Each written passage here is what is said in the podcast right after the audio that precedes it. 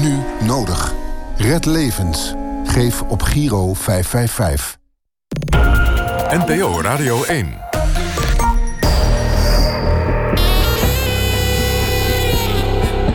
Argos. Onderzoeksjournalistiek van de VARA, Human en de VPRO. Goedemiddag en welkom bij Argos, uw onderzoeksprogramma op Radio 1. Normaal gesproken zit Max van Wezel hier, maar die staat in de file. Ik hoop dat je er snel bent, Max. We missen je. Tot die tijd moet u het met mij doen. Ik ben Sanne Boer, programmamaker bij Argos. U zult mij later in de uitzending ook horen. Maar eerst de reportage. Een verhaal over handhaven door gemeentes. Of liever gezegd gemeentes die niet handhaven. Met als gevolg jarenlange juridische procedures en veel burgerleed. Luister naar het nu volgende verhaal over een mestplaat, een ijsboerderij en mensenrechten. Ik, ik, noem het, ik noem het zelf pest- en treiterwerk. Het is gewoon echt, echt pest- en treiterwerk. En kijken hoe ver ze kunnen gaan. Kijken of dat wij erin willen trappen. Uh, kijken of dat wij uh, ja, gewoon ons naar de kloten helpen. Daar gaat iedereen van naar de kloten als je zo behandeld wordt door de gemeente. Wij worden behandeld als uitschot, als criminelen. We hebben een, woning gekocht. Ik had vier kleine kinderen. Mijn man die heeft twee jaar lang dag en nacht hier in, in die woning gewerkt. Wie doet dat? We hebben al ons geld hierin gestoken. Wie doet dat dan? Dat, dat doe je niet. Als we dat van tevoren geweten hadden, dan hadden we het geld ergens anders geïnvesteerd. Hadden we geen pand aangekocht, hadden we geen grond aangekocht en hadden we dit op een andere locatie gaan doen. Ik zeg altijd tegen ondernemers als ze iets willen, koop een goede Limburgse vlaai. Zet een dikke pot koffie en nodig die buurt uit. En ga gewoon eens met elkaar in gesprek. Ik begrijp dat dilemma van de gemeente heel goed. Aan de ene kant hebben ze de klager die min of meer in zijn recht staat. Aan de andere kant degene over wie geklaagd wordt... die een goed verhaal heeft. En probeer dan daar maar eens als overheid onpartijdig tussen te gaan zitten. Klagende burgers en de nationale ombudsman... over het wijfelende optreden van gemeentes. Met jarenlange juridische procedures als gevolg. De Nationale Ombudsman schrijft hierover regelmatig rapporten.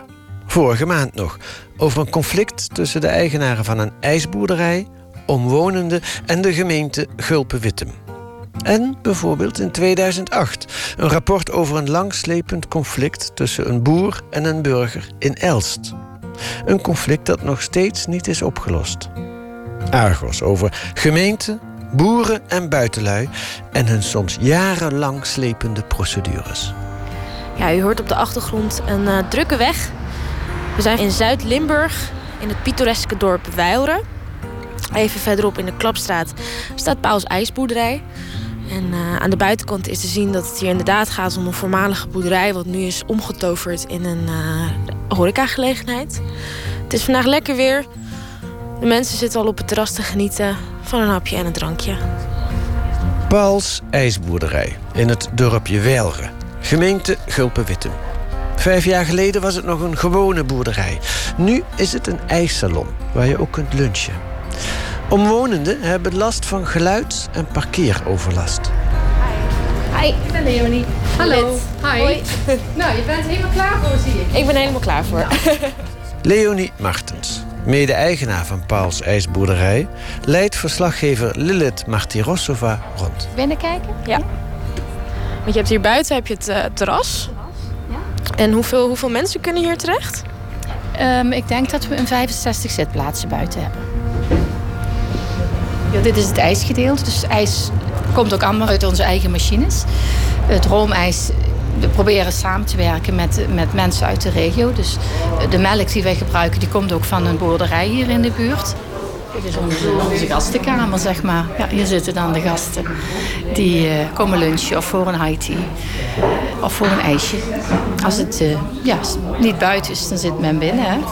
Was dit vanaf het begin af aan al zo groot? Of is dit later nog uh, uitgebreid? Nee, nee, we zijn dus begonnen met kleinschalig het ijs maken. Maar omdat het zo uit de hand liep, ga je kijken waar kan ik die verbreding zoeken. En vandaar dat we dus met, met de wijziging van bestemmingsplan ingezet hebben op een groter oppervlak, ook voor binnen. Dat je dus in de winterdag uh, een andere activiteit toe kan voegen. Dus we doen veel met high. We hebben een kleine lunchkaart.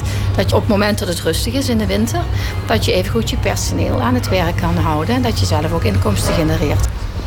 We zitten in het heuvelachtige Zuid-Limburg. De naaste buren van de ijsboerderij klagen niet, maar andere omwonenden maken wel bezwaar tegen de uitbreidingsplannen. Ze wonen op zo'n 50 meter afstand. De een wat hoger op de heuvel, de ander lager. Van oudsher is dit een landbouwbedrijf, dus waren uh, grond met akkerbouw. Dus uh, maïsteelt, aardappelteelt, dat soort dingen. En uh, op een gegeven moment ja, komt de slop in de landbouw. En worden de eisen vanuit de overheid ook steeds groter. De inkomsten worden lager, waardoor we een neventak zijn gaan zoeken. En we zijn toen gestart met ijs maken. En op een gegeven moment is dat zo'n succes geworden... dat we gewoon op een mooie zondag... dat je gewoon 400, 500 mensen over de vloer had... die voor een ijsje kwamen. Dus je ging eigenlijk ja, een beetje te onder aan je eigen succes met het ijs.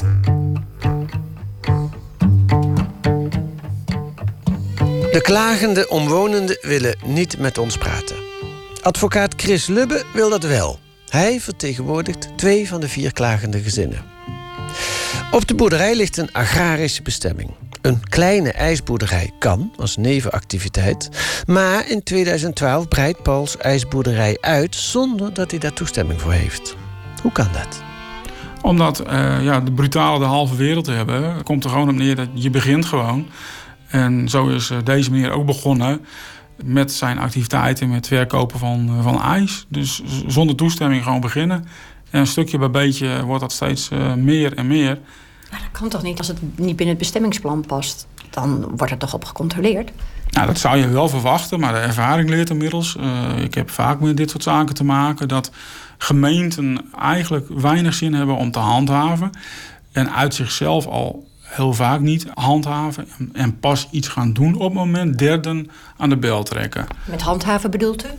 Nou, optreden en aangeven van dit is strijdig met de bestemming of strijdig met de regelgeving, dit kan niet, dit moet stoppen. Dat bedoel ik dan met handhaving.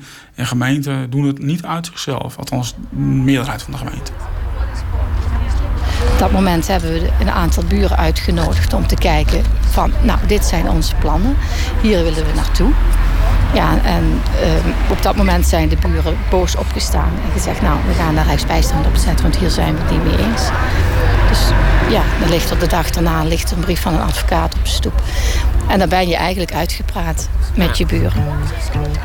Hans Ubachs is de burgemeester van de gemeente Gulpen-Wittem.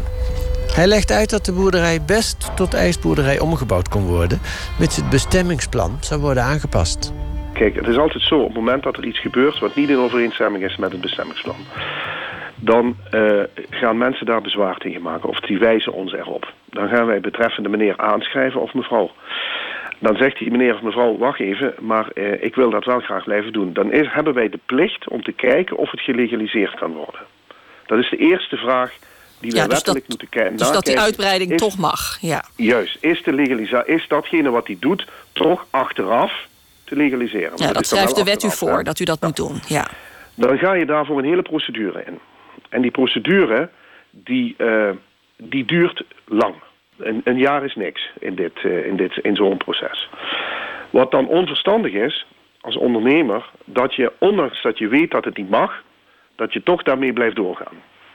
En dan moeten wij daar die ondernemer op aanspreken. Van luister, er loopt nog een procedure dat, dat je dat uh, misschien achteraf wel mag. Maar ga dat nou niet doen. Dat is onverstandig, want je gaat de mensen die al zienswijze hebben ingediend... alleen nog maar meer uh, op de kast jagen. Doe dat nou niet.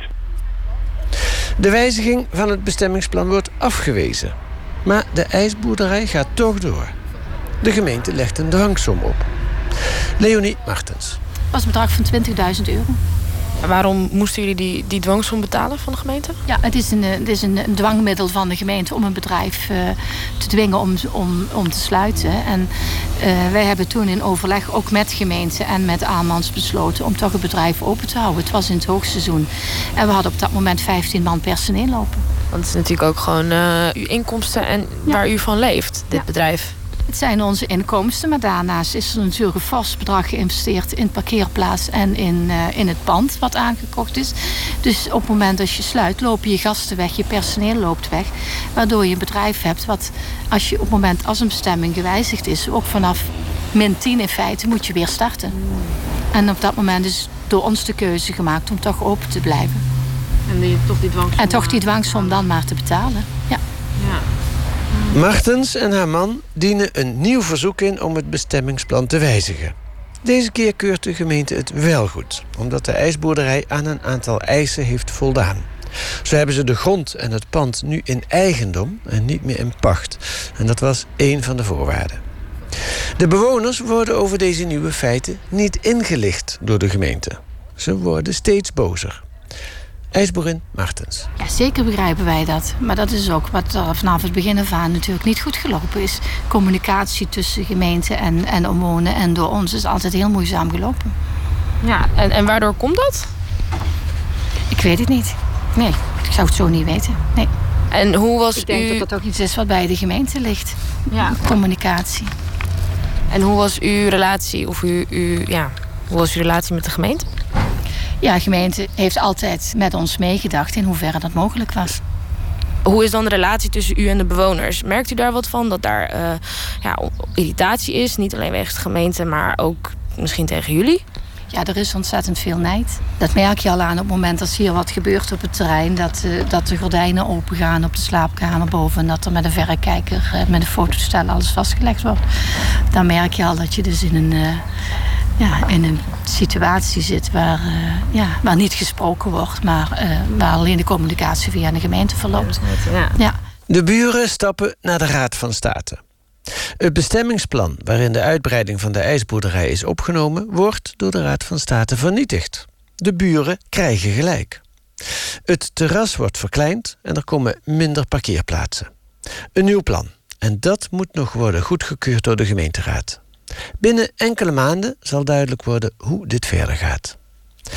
Advocaat Chris Lubbe vindt de handelwijze van de gemeente verwijtbaar. Als de gemeente wat anders had gehandeld, wat meer oor had gehad voor deze mensen, hadden ze er op een andere manier ingezeten, verwacht ik. Ik kan me voorstellen dat doordat je denkt dat je gewoon een goede zaak hebt, uh, het is in strijd met van alles en nog wat, ja, dan wil je een luisterend oor bij het gemeentebestuur. En dat, gemeentebestuur, en dat hebben ze helemaal niet gehad. En dat maakt natuurlijk dat je ook heel anders in zo'n uh, zaak kunt komen te staan. Uh, dat je strijdlustiger wordt. Ja, word je dan ja. strijdlustiger. En, en, maar ook wel een vorm van teleurstelling dat zeg maar, de overtreder alles uh, voor elkaar krijgt en alles mag. En jij als uh, burger, je woont daar in die mooie omgeving, in het buitengebied van uh, Gulpen-Wittem, dat degene die overlast veroorzaakt nog wordt beloond ook door het gemeentebestuur. Uh, en je hebt eigenlijk de wetgeving aan je kant. Ja, dus op, op die manier zorgt een gemeente ervoor dat je toch wel heel erg strijdlustig wordt. Weinig vertrouwen in de gemeente hebt. Uh, dat is een ding wat zeker is. Renier van Zutphen, de nationale ombudsman, onderzocht de kwestie van de ijsboerderij. Nou, mijn conclusie daar was dat het sneller, meer duidelijk op de-escalatie gericht uh, en in de, ja, toch echt in de informatieve sfeer eerder naar die mensen toe die aan het klagen waren. En vertellen welke stappen er nu worden gezet. Het leek er een beetje op, en misschien was het ook wel echt zo, uh, dat die mensen dachten: nu gaat het alleen maar om handhaven. Terwijl het andere spoor was: hoe krijgen we het gelegaliseerd? Ja, maar dat laatste spoor dat was helemaal niet duidelijk bij die klagers. Sterker nog, de gemeente heeft gezegd: we gaan niet in eerste instantie voor de legalisatie. Nee, nou ja, dus, dus daar zie je de, een grote verwarring. En dan is de uitkomst nog, nog veel verwarrender. Ja. Want je dacht dat je begon aan een proces of een klacht... die zou leiden tot beëindiging van de overlast. En dat de gemeente een beetje aan je kant stond. En je dacht dat de gemeente aan je kant stond. Zeker in het begin, want die hadden laten weten... hier moet gehandhaafd worden. En dan is de uitkomst iets heel anders. Nou, daar zie ik de frustratie van de burger. En die begrijp ik heel goed. En die moet voorkomen worden. Burgemeester Ubachs. We hebben een brief gekregen van de Nationale Ombudsman... omdat omwonenden daar hebben gezegd... wij vinden dat het niet allemaal netjes gegaan is... En de Nationale Ombudsman heeft geconstateerd dat... die heeft toen gezegd van luister, juridisch hebben jullie alles correct gedaan...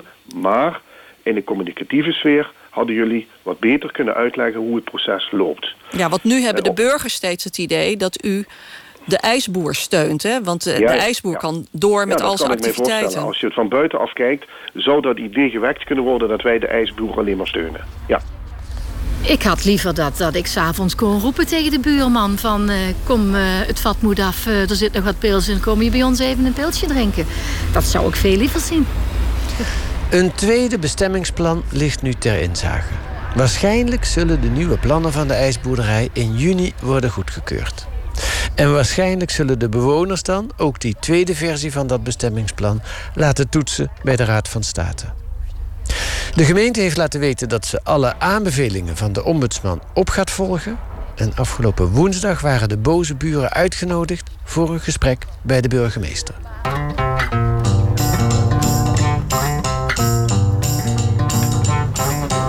Ik tref eh, Frans en Riet in de hal van het eh, gerechtsgebouw in eh, Arnhem. Voor de hoeveelste keer bent u hier al?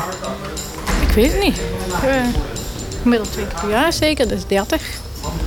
Ja, zeker wel. Zeker wel. De dertigste keer. Ja. Sowieso, ja. En waar gaat het vandaag over? Ja, het, het is vandaag eh, geen bestuursrechtelijke zaak meer, maar het eh, aansprakelijk stellen van de gemeente van alles wat ze gedaan hebben en wat dat voor gevolgen voor ons gehad heeft. En nog steeds heeft en nog de aanstaande jaren nog zal blijven hebben. Het is donderdag voor kerstmis. Voor de dertigste keer al staan ze voor de rechter. Frans Vossenbelt en Riet de Zwart. Boeren in Elst, Gelderland. Deze keer eisen ze erkenning en mogelijk een schadevergoeding... omdat ze vinden dat hun mensenrechten zijn geschonden. Door een conflict dat al 15 jaar duurt. Een conflict met de gemeente en met hun buren, de familie Bakker. Het is een eh, lijvig dossier. En het gaat om een geschil dat eigenlijk al, al eh, heel lang tussen u loopt. Vanaf 2002 in ieder geval zie ik. Waar op bestuursrechtniveau diverse besluiten zijn genomen die wel of niet eh, vernietigd zijn. Oké, we gaan dit behandelen, want eh, de stelling is dat wat de gemeente heeft gedaan in de loop der jaren bij elkaar genomen onrechtmatig is. Komt u maar. We lopen door eh, de stal. En we zien allemaal koeien. Hoeveel zijn het er eigenlijk? De, om, ongeveer 30. 30. Melkveebedrijf. Melkvee, ja. Nou, hier gaat het om. U wijst naar een eh, huis aan de overkant. Een meter of 30 waar, vanaf de plek waar we nu staan, denk ik. Of, Ja, vanaf, waar we nu, ja, vanaf die, die plaat is het nog maar 20 meter. 17. Het is een witte boerderij met glimmende zwarte daken. Er ligt een klein slootje tussen. En dan is meteen aan deze kant waar wij staan een eh, zogeheten mestplaat. Loopt een beetje omhoog hier vanuit de stal. En sinds 2001 is hier een enorm dispuut gaande. Hoe is dat gebeurd? Onze vorige buren die gingen verhuizen. Toen is na eh, een beetje omzwervingen heeft eh, de familie Bakker eh, het pand gekocht. En is gaan verbouwen zonder woonvergunning. Heeft het helemaal opgeknapt voordat de bouwvergunning verleend is. En toen hebben wij voor de zekerheid toch maar bezwaar gemaakt... om voor ons zeker te zijn dat wij geen problemen zouden krijgen. Want wat zou een probleem kunnen zijn? Eh, juridisch gezien, eh, als een burger eh, op een gegeven moment legaal zit, gaat een burger altijd voor.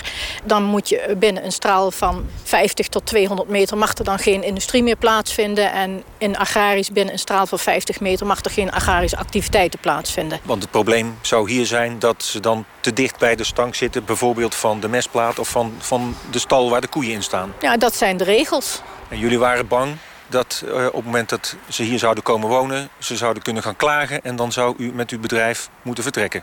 Nou, het gaat nog geen eens om dat zij klagen. Als die burgers legaal zitten en hier komt een, een, een milieuambtenaar kijken hoe het staat... zelfs dan kunnen wij al vertrekken. Dus het gaat helemaal niet om de buren, het gaat gewoon om de regels. U wilde het zekere voor het onzekere gewoon. U wilde weten waar u aan toe was. Je wil, je wil zekerheid. En daar zijn wij mee begonnen. Het huis dat de familie Bakker heeft gekocht was vroeger een boerderij. De familie wil het tot een woonhuis verbouwen. Daar krijgen ze een bouwvergunning voor van de gemeente. En daar zit de fout. Later wordt die bouwvergunning dan ook vernietigd. Maar vanaf het moment dat de vergunning is afgegeven, probeert de gemeente de bewoning van het pand toch mogelijk te maken door te gedogen en de illegale bewoning te legaliseren met het aanpassen van het bestemmingsplan. En dat is het begin van een jarenlange juridische strijd. Advocaat Ganna Samkalde. Mevrouw de Zwart en meneer Vossenbelt zijn sinds 2001 onophoudelijk in juridische procedures verwikkeld tegen de gemeente over Betuwe. Het is iets dat inmiddels hun leven volledig bepaalt. Ze staan ermee op en ze gaan ermee naar bed. Ze hebben kinderen en een agrarisch bedrijf, maar de zaak waarvoor we hier vandaag zitten overheerst inmiddels alles. De gemeente vond in 2001 dat Bakker in de woning moest kunnen blijven wonen en is dat blijven vinden. Ze doet haar best om het gewenste resultaat te verwezenlijken. Pas in september 2013 neemt de gemeente, noodgedwongen, het besluit dat ertoe zal leiden dat Bakker de woning verlaat. Al die tijd hebben eisers zelf de gemeente moeten verzoeken om haar wettelijke taken uit te voeren. Bakker verlaat de woning in 2014, 13 jaar nadat hij kwam. Als je het er niet mee eens bent, ga maar naar de rechter. Wij ontnemen jullie geen enkel recht, jullie gaan maar naar de rechter. En daarmee gingen ze ook gewoon helemaal voorbij aan de eigen taak. Dat een gemeente hoort besluiten te nemen, een gemeente hoort uit te zoeken hoe het ervoor staat, een gemeente hoort te kijken hoe het bestemmingsplan toegepast moet worden. En de gemeente hoort ook de belangen van iedereen mee te nemen. En ook, ook zelfs in het begin naar de rechter gemoeten omdat ze geen besluiten wilden nemen. En dat je dat ook af, af, iedere keer moet dwingen van jullie moeten een besluit nemen. Eh, ga werk eens door. Eh, doe, of in ieder geval, doe je werk. Juist dat. De familie Bakker wil niet meedoen aan deze uitzending. Ze zijn bang om iets te zeggen dat hen schaadt. Ze waren wel te horen in het tv-programma Hart van Nederland in 2014. Wij worden behandeld als uitschot, als criminelen. We hebben een, een woning gekocht. Elk mens had het kunnen overkomen. Het is gewoon onmenselijk. Is waanzin. Ik had vier kleine kinderen. Mijn man die heeft twee jaar lang dag en nacht hier in, in die woning gewerkt. Wie doet dat? We hebben al ons geld hierin gestoken. Wie doet dat dan? Dat, dat doe je niet. De angst van de familie Bakker, namelijk dat ze uit hun huis gezet zouden worden, is kort hierna uitgekomen. Ze wonen nu in een huurhuis in Elst. Hun eigen woning staat leeg. Ze zeggen een schade te hebben geleden van 8 tot 9 ton. Ganna Sam Kalde begeleidt nu de familie De Zwart en Vosbelt in deze kwestie. Wat maakt het zo bijzonder? Ja, in de eerste plaats de tijdsduur en de volhardendheid van de gemeente. Het gaat hier om uh, echt een opeenstapeling van besluiten en gedragingen... die bijna allemaal in het nadeel van de Zwarte en Vossenbelt uh, hebben uitgepakt. En dat duurt nu al 15 jaar. In het begin kun je nog een besluit afzonderlijk tot je laten komen en aanvechten. Uh, op een gegeven moment, als het jaren blijft voortduren... dan wordt natuurlijk een grens bereikt. En dan heb je dingen te dulden die je normaal gesproken als burger... niet van je gemeente zou moeten hoeven dulden. U wil een soort van genoegdoening nu, hè?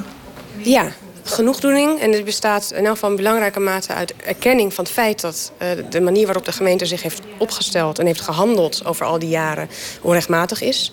En ook voor een deel uit compensatie voor de schade die mijn cliënten daardoor hebben geleden. U haalt daar zelfs het uh, Europese Verdrag van de Rechten van de Mens bij. Hoe verhoudt zich dat tot deze kwestie?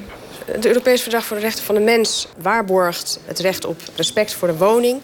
En ook op het persoonlijk leven en het privéleven. En doordat gedurende zo'n lange periode er bij mijn cliënten constante dreiging is geweest van een inbreuk in die rechten. Sowieso een beperking van hun uitbreidingsmogelijkheden. Maar ook gewoon de constante inbreuk door besluit na besluit dat in hun nadeel uitpakt of zou kunnen pakken ja, dat vormt een, uh, een schending van je fundamentele rechten die je hebt... om uh, gewoon ongestoord van je woning en van je eigendom te Kort gezegd, ze hebben de afgelopen 15 jaar geen leven gehad door al die zaken. Hun leven heeft volledig in het teken gestaan van deze zaken. Een gemeente die aarzelt in de handhaving... met als gevolg een burenruzie die uitloopt op een mensenrechtenkwestie. We leggen de zaak voor aan Toon van Asseldonk... de huidige burgemeester van Overbetuwe, waar Elst onder valt. Ja, het probleem voor mij is eigenlijk dat er uh, twee buren er maar niet in slagen om uh, samen tot een oplossing te komen. Die aan ons voorleggen, zodat we met z'n drieën zouden kunnen kijken hoe we hier op een goede manier uit kunnen komen. Ja, toch zit ik hier op het gemeentehuis. U heeft daar ook als gemeente een rol in. Wat is de rol van de gemeente? Nou, we hebben natuurlijk een aantal formele rollen... Hè, als het gaat om bestemmingsplannen, handhaven, bezwaren, et cetera. Uh, maar we hebben ook nog wel een rol om te proberen mensen, burgers van de gemeente... tot elkaar te brengen als ze in conflict komen of in een conflict dreigen te komen. En dat doen we ook. Als we teruggaan naar het begin van het, uh, van het conflict... Uh, het moment dat er Mensen kwamen wonen in een woonboerderij die voorheen agrarische bestemming had. En dat waren burgers. En die, die kwamen bij de gemeente voor een bouwvergunning. Ja, die kwamen bij de gemeente voor een bouwvergunning. En hebben die uh, in eerste instantie ook gekregen. En uiteindelijk, hè, daar hebben weer een aantal juridische stappen tussen gezeten. Maar uiteindelijk is toch het besluit wat de gemeente in principe genomen had om die bouwvergunning te verlenen, is uh, vernietigd. Waardoor uh, de bestemming geen woonbestemming kon worden. Toch is de gemeente toen gaan proberen om het te legaliseren. Waarom eigenlijk? Nou, omdat je natuurlijk voortdurend een afweging maakt tussen de belangen van beide partijen. En je kijkt dus ehm, wat, wat voor effect heeft het als je een gezin uh, de woning die ze net betrokken hebben en die ze zelfs al verbouwd hebben, moet gaan ontzeggen. Nou, dat is nogal wat. En dat uh, weeg je dan toch ook af tegen de belangen van de buren die bezwaar maken. En uh, die dat doen omdat zij eigenlijk claimen dat hun bedrijfsvoering of de, de, de mogelijke uitbreiding van hun bedrijfsvoering daardoor beperkt zou worden. En op basis daarvan is toen gezegd... we zouden eigenlijk toch moeten proberen een oplossing te vinden... die en het bedrijf de mogelijkheid geeft om uh, de bedrijfsvoering voor te zetten... maar die ook het andere gezin de mogelijkheid geeft om te blijven wonen waar ze wonen. De rechter stelt in december mediation voor om tot een oplossing te komen. Advocaat Ganna Samkalde ik zie zeker een mogelijkheid in, in mediation. Hoewel het uitermate ingewikkelde kwestie is... en de betrokkenheid van drie partijen maakt het er niet makkelijker op. Tegelijkertijd kun je in, in mediation en gewoon door het maken van afspraken... Uh, dingen bereiken die je niet door een rechter kan laten vaststellen. Ja, ondertussen hebben er talloze rechters naar gekeken. De ombudsman heeft er naar gekeken. Er zijn heel veel zaken gevoerd. Er zijn ook al mediation voorstellen geweest. Het lijkt een onontknoopbare kluwe. Ja. ja, dat klopt. Maar ik ben het er ook niet mee eens met die opmerking. Maar wat? wat, wat? Het, het, als je terugbrengt naar wat het werkelijk is, dan is het gewoon hartstikke simpel. Het is gewoon, in de kern is het heel simpel. En dat is wel wat de gemeente continu mee bezig is geweest. Gewoon bombarderen van idioten voor idiote dingen, idiote argumenten. Echt dat iedereen door de bomen het bos maar niet zou zien. En dat je vergeet waar het over gaat. Maar het gaat gewoon heel simpel over dat Bakker een huis gekocht heeft waar hij niet mag wonen.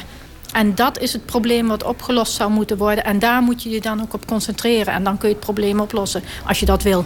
Ja. Maar niet als je met, met die hele kluwen aan de gang blijft, want dan kun je niks oplossen. Burgemeester Toon van Asseldonk is het daar niet mee eens. Als ik het vanuit de kant van de gemeente bekijk, en dat is wat ik moet doen, dan vind ik, en dat hebben in zijn algemeenheid de rechters ook uh, steeds erkend... dat wij de juiste besluiten genomen hebben, de juiste afwegingen gemaakt hebben. Ja, toch eh, zijn er ook heel vaak besluiten genomen die later herroepen werden. Ja, er zijn inderdaad... Dus er zijn er toch ook wel fouten gemaakt bij de gemeente? Ja, ik weet niet of je... Of je er, er, er zijn uh, besluiten door de gemeente genomen die in hoger beroep ooit vernietigd zijn. Dat is waar. Uh, dus dat betekent dat de rechter dan een andere afweging maakt van de belangen... dan wij lokaal als lokale overheid gedaan hebben. Ja, dat is. Maar dat gebeurt vaker. En dan probeer je het daarna zo goed mogelijk te herstellen. De ombudsman heeft in 2008 al een rapport geschreven over deze kwestie. En daarin beoordeelt hij het gedrag van de gemeente als onrechtmatig en onbehoorlijk. Er is te veel gekeken naar het belang van de familie Bakker. We leggen het voor aan de huidige burgemeester, die er pas 3,5 jaar zit. Ik kan alleen maar zeggen dat ik de afgelopen uh, 3,5 jaar daar volstrekt neutraal in ben gaan staan. Maar uh, toch is het ondanks die uitspraak van de ombudsman niet gelukt om tot een, ja, een uitkomst te komen. Nee, maar om tot een uitkomst te, te komen hebben we drie partijen nodig in dit geval. Uh, in, in zo'n geval is het meestal zo dat beide partijen iets van water bij de wijn zullen moeten doen. Uh, waarom moeten alle tweede partijen water bij de wijn doen? Want de boeren woonden daar. De situatie was zoals die was. Er komt een, een nieuwe bewoner naast te wonen. En ze zitten ineens met een hoop ellende. Nou, dat is de vraag. Of ze met een hoop ellende zitten te kijken. Ja, ze zitten 15 jaar in procedure bijvoorbeeld. Dat is een keuze voor een belangrijk deel. Dat is een keuze, hè? een procedure. Ja, u, u, doet een besluit. De gemeente die besluit wat. Die zegt, we gaan de bestemmingsplan wijzigen. We doen van alles en nog wat. En zij moeten daar, om hun rechten te behouden... elke keer tegen in verweer komen. Dat is een keuze. Dat blijf ik zeggen. Wij hebben een aantal keren ook, uh, ook geprobeerd om oplossingen te bieden. En als partijen er niet voor kiezen om daaraan mee te werken... dan is dat een keuze. Maar als je voelt van, hé, hey, ik ga iets verliezen waar ik eigenlijk gewoon recht op heb... want ik, ik woon hier gewoon en uh, ik heb mijn bedrijf hier... dan moet je toch wel daartegen in verweer komen. Sterker nog, de gemeente heeft elke keer gezegd... als je het er niet mee eens bent, ga maar naar de rechtbank. Ja, precies. Maar die keuze is dan toch aan de ander. Vindt u? Ja, dat vind ik. Anders zou ik het niet zeggen. Dat is een standaard passage die opgenomen wordt in elke brief waar een besluit van een gemeente in vervat is. Dat als u niet eens bent met het besluit wat de gemeente uh, uh, neemt, dan is dit de weg die u kunt uh, bewandelen. Dat wil niet zeggen dat elke burger dan per se gebruik moet maken van de mogelijkheid die hij heeft om in beroep te gaan. Dat is een keuze. De kwestie is dus nog steeds niet opgelost. Inmiddels zit er ook een nieuwe ombudsman, Reinier van Zutphen. Hoe kijkt hij naar dit conflict? Als je eenmaal in juridische procedures terechtkomt, kan het echt heel lang duren, tot en met de Raad van State toe. Dan ben je jaren onderweg en dat betekent vooral jaren onzekerheid. En dat is eigenlijk wat ik zou willen voorkomen. Ja, maar de ombudsman zei toen van uh, er is onbehoorlijk en onrechtmatig gehandeld door die gemeente. Ja, en feitelijk is dat nu nog steeds zo. Het is nog steeds niet opgelost. Nou ja, weet je, uh, gemeenten hebben natuurlijk ook nog het goede recht om te zeggen, maar wij passen de regels goed toe. En als de burger het er niet mee eens is, dan kan die procederen. als je vanuit de ombudsman naar die situaties kijkt, dan denk je vooral hoe zorg je er nou voor dat de dingen wat sneller, efficiënter en opener worden afgehandeld. En vaak is het zo dat duidelijkheid krijgen nog belangrijker is dan de uitkomst van een procedure. Dus weten waar je aan toe bent. En dat hoeft niet te wachten tot er tot aan de Raad van State is geprocedeerd. Ja, en in die zaak, kunt u er iets over zeggen wat u van vindt dat dat nog steeds loopt? Het toont voor mij aan hoe belangrijk het is om aan het begin meteen de spelregels duidelijk te maken en de informatie goed op tafel te leggen. Want dat voorkomt heel veel ellende, ook in de juridische sfeer. En ook meteen aan het begin misschien knopen doorhakken? Nou, dat zou kunnen. Maar wel knopen doorhakken over hoe je met de burger zorgt dat hij weet waar hij aan toe is. Burgemeester van Asseldonk. Wij hebben nooit partij gekozen. De ombudsman uh, vond dat wel een beetje. Dat is, dan, dat is aan de ombudsman. Wij hebben nooit partij gekozen. Het maakt ons niet uit uh, wie van de partijen uh, die daar een conflict toch vooral met elkaar hebben, uh, gelijk krijgen. Ehm, het gaat er ons om dat ze proberen samen tot een oplossing te komen waar wij aan mee kunnen werken. Twee kwesties waarin de gemeente door onduidelijkheid in de procedure de problemen groter maakt. Met veel ellende tot gevolg. En vaak komen die kwesties dan uiteindelijk terecht op het bureau van de nationale ombudsman, Reinier van Zutphen. Als wij bij de ombudsman daar klachten over krijgen, dan proberen wij vooral tegen de gemeente te zeggen: wees duidelijk tegenover de klagers. Laat weten waar ze op kunnen rekenen, welke stappen je gaat zetten. En informeer ze vooral goed om nou ja, verergering en escalatie te voorkomen. Ik zie dat het moeilijk is uit de rapporten die we geschreven hebben en de klachten die we krijgen. Ik begrijp dat dilemma van de gemeente heel goed. Aan de ene kant hebben ze de klager die min of meer in zijn recht staat. Aan de andere kant degene over wie geklaagd wordt, die een goed verhaal heeft. En probeer dan daar maar eens als overheid onpartijdig tussen te gaan zitten. En toch is dat wat we van de overheid vragen. Hè. Doe het behoorlijk, geef de goede informatie. Zorg ervoor dat je niet als partijdig te boek komt te staan. Eh, dat vraagt om transparantie. Hè. Dat een, een beetje een toverwoord, maar het betekent gewoon dat je tegen iedereen de goede informatie laat weten. Dat je zegt waar het om gaat. En ook waar ze op kunnen rekenen wat betreft de uitkomst. En dat betekent soms aan het begin zeggen: pas op. Want het kan best zo zijn dat aan het einde van de behandeling van uw klacht. de situatie zoals die is toch mag blijven bestaan. Maar wees daar wel heel duidelijk over. Burgemeester van Elst, Toon van Asseldonk. Ik vind het eerlijk gezegd uh, eigenlijk wel een soort persoonlijk drama voor beide gezinnen. Dat het zover heeft moeten komen, dat de standpunten zo verhard zijn...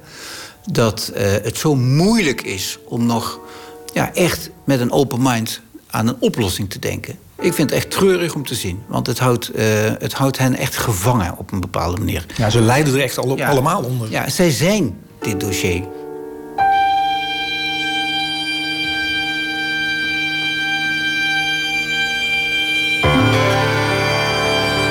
Deze reportage werd gemaakt door Jan Pils, Sanne Boer, Irene Houthuis, Lilith Martirosova en Kees van der Bos. De techniek was in handen van Alfred Koster. Sorry